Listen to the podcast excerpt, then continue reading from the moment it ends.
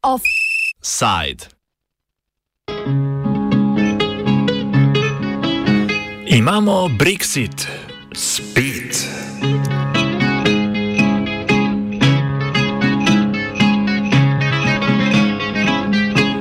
Na božični večer sta Evropska unija in Združeno kraljestvo po desetih mesecih pogajanj dosegli trgovinski dogovor, ki bo urejal njune odnose po brexitu. Do dogovora je prišlo v zadnjem trenutku, z novim letom se namreč izteče prehodno obdobje, v katerem Združeno kraljestvo ostaja del notranjega evropskega trga in carinske unije. S 1. januarjem si bo Velika Britanija torej v celoti povrnila obljubljeni suverenost in čudovito odmaknjenost, ki se je včasih nostalgično spominja. Pri tem bo zaradi božičnega sporazuma brez trdih tarif in tarifnih kvot na vse blago, ki potuje med Britanijo in celino, imela precej lažje delo. Bodo pa z dokončnim izstopom prišle v veljavo različne druge birokratske ovire in mejne kontrole, zaradi katerih se napovedujejo precejšnje motne v prometu. Britanske oblasti zato pozivajo podjetja naj se pripravijo na konec prehodnega obdobja s poznavanjem novih pravil, ki jim bodo zaradi dodatne carinske papirologije zagotovo prinesla dodatne stroške.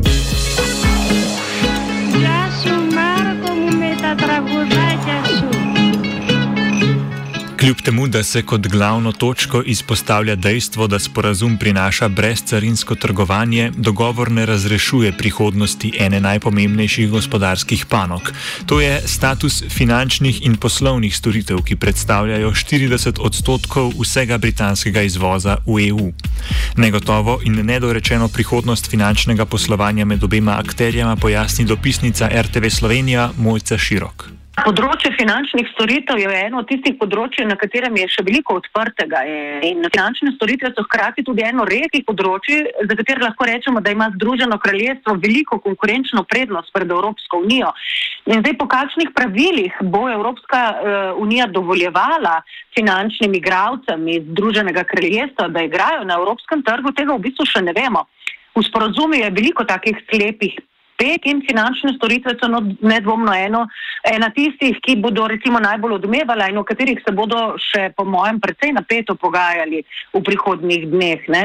Kolikor smo zdaj uspeli razumeti iz sporazuma in iz komentarjev, obeh strani po sklenitvi tega dogovora, da bi se že marca v bistvu začeli pogovarjati o posameznih področjih. Ampak zdaj v tem trenutku v bistvu res lahko precej malo rečemo no, kako, o tem, kako bodo vem, veliki britanski finančni igravci, banke, eh, naložbena podjetja in drugi delovali na trgu Evropske unije. Velikega odmeva je bilo deležno pogajanje glede prihodnosti ribarjenja v britanskih in evropskih vodah, ki je, kljub temu, da ribiška industrija v Veliki Britaniji ne predstavlja pomembnega zaslužka, postalo ena glavnih ovir pri sklenitvi sporazuma. Pogajalci so se strinjali z uveljavitvijo prehodne dobe, ki bo trajala do leta 2026. V tem času bodo imele evropske ribiške ladje prost dostop do britanskih voda. Evropski ribiči se bodo morali zadovoljiti z za četrtino manjšimi ribolovnimi kvotami v vodah v bližini britanske obale kot do sedaj. Ta številka predstavlja kompromis, saj so britanski pogajalci zahtevali 60-odstotni delež. Po koncu predhodne dobe, prehodne dobe bodo vsako leto potekali novi pogovori o tem, koliko rib lahko vsaka stran ulovi v sosednjih vodah. Pomembno vlogo v pogajanjih je po besedah Paula Tegarta, profesorja na Univerzi v Sussexu, igrala ideja o britanski suverenosti, ki ne dopušča plove tujih ladij po njihovih nacionalnih vodah. What happened at the end of the negotiations is that there were a couple of sticking points, a couple of difficult issues, um, and fisheries was one of them. Um, the interesting part, part of that is that uh, there's a trade off there between the fact that most UK fish is sold uh, into the EU. We don't consume most of the fish that we that we fish in our waters, uh, and that therefore the UK needed to maintain access to the um, uh, EU as a market for its fish. But at the same time, the UK government had placed a strong emphasis upon the idea of sovereignty, of, of controlling our waters, our waters um, and only allowing a small amount of, of fishing from the EU to take place in, in UK waters. Uh, so this became a very, very symbolic issue, despite the fact that the size of the fishing industry is actually very, very small and a tiny percentage of the British, uh, economy. Uh, it became a point of contention and something that looked like sometimes it might have held up the deal so that there was actually no agreement and, and no deal would have come about.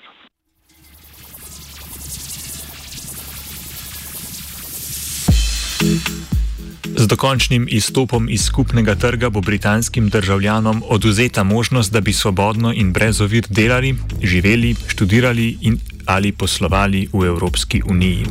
Obe strani bosta sicer v koordinaciji glede socialnih dodatkov, pokojnine in zdravstvenega zavarovanja, tako da bo delo v tujini za Britance lažje. Delavci, kot so naprimer zdravniki, inženirji, arhitekti, veterinarji in farmacevti, bodo morali za delo v določeni državi članici pridobiti posebno avtorizacijo, ki priznava njihove kvalifikacije. Do sedaj je prepoznava kvalifikacij za vse države članice potekala avtomatsko avtomatsko. Vize za potovanje ne bodo potrebne, bodo pa nujne v primeru, da oseba v državi članici ostane več kot 90 dni.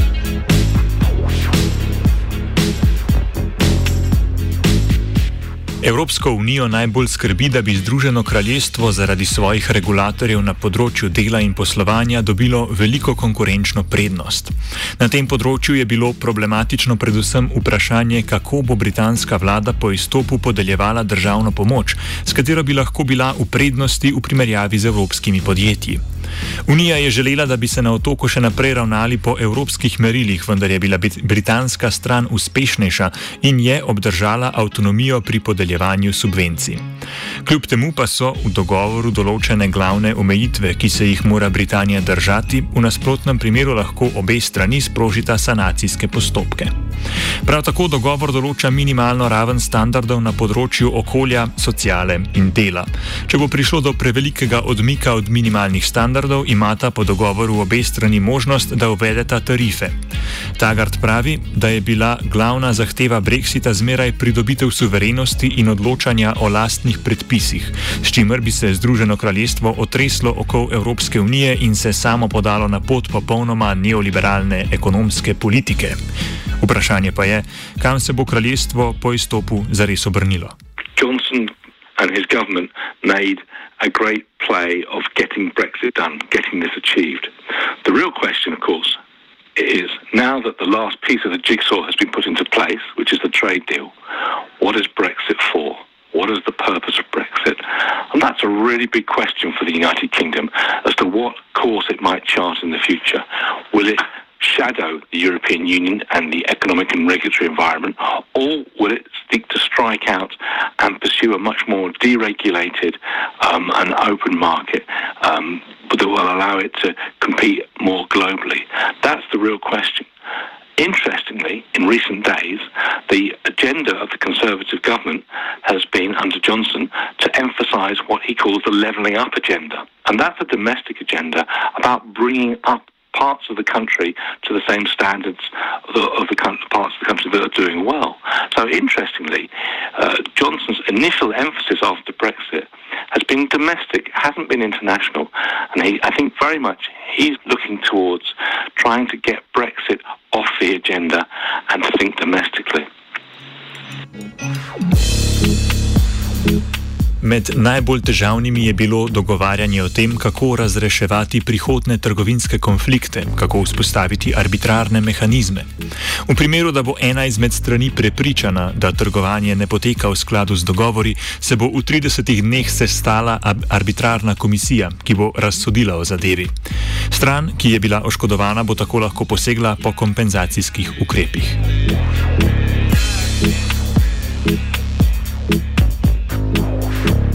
Ne glede na šopirjenje glede pravic ribolova, je bilo vedno najpomembnejše vprašanje pogajanj med Bruslem in Londonom, tako pri sklepanju dogovora o izstopu iz Evropske unije pred dobrim letom, kot sedaj pri pogajanjih glede trgovinskega sporazuma za čas po Brexitu, vprašanje Severne Irske. Konflikt v Ulstru se je pred 25 leti rešil tako, da se je Severna Irska združila z Republiko Irsko v okviru Evropske unije. Vzpostavitev meja in carin na Irskem otoku bi pomenila tudi konec velikonočnega dolgoročnega sporazuma, ki je prinesel mir na Severnem Irskem.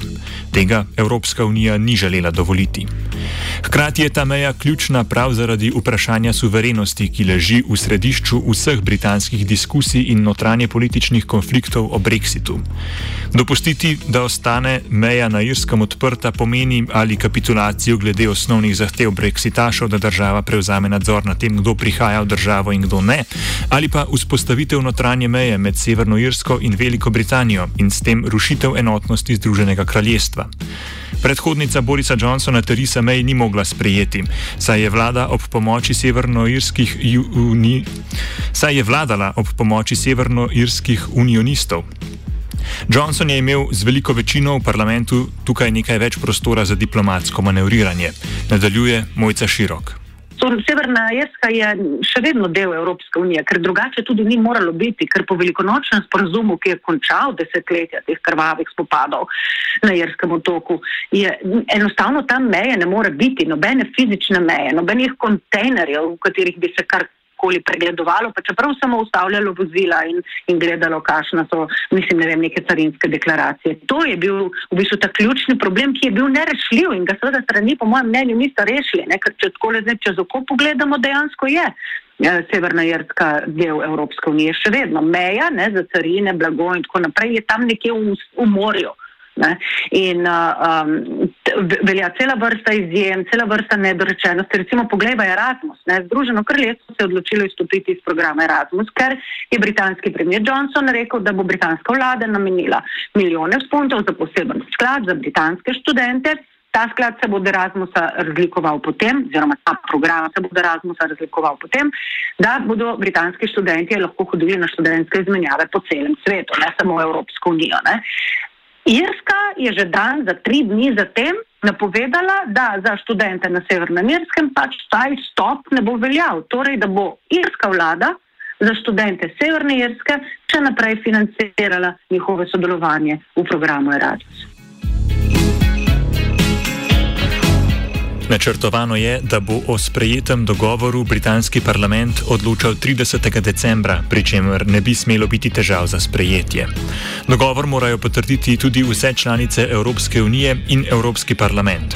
Parlament bo glasoval v prihajajočem letu, izid pa bo veljal za nazaj. Vendar se s tem drama ne bo zaključila. Veliko področji je v dogovoru še odprtih, kar bo zahtevalo dodatna večletna pogajanja. Kot offside zaključuje Tegart, pa Združenega kraljestva kraljestva ne čakajo zgolj nadaljne odločitve glede odnosa, ki ga želi imeti s kontinentoma, ampak predvsem glede tega, kaj naj država stori z novo pridobljeno suverenostjo. I don't think there's really discussion at the moment about where the UK is going to be turning. Um, in the sense, I think people are just relieved to have the final um, part of the of the Brexit negotiations done. The, the future, the long term perspective, has not really been fully thought out. Thought out, and I don't think, if I'm honest with you, I don't think it's really ever been clear what the long-term objective is. The idea of sovereignty, and the Brexiteers argued very much for taking control of the money and borders and so on. But what the question is, of that? I don't think there's really been a debate about what the United Kingdom will look like in 15, 10 years' time that will be different from the EU yet. It may well be very different, but I'm not sure we've really fully had that discussion yet. At the moment, the discussion has been about how to get the instruments to take control, not what to do with them. Offside je pripravila Aida.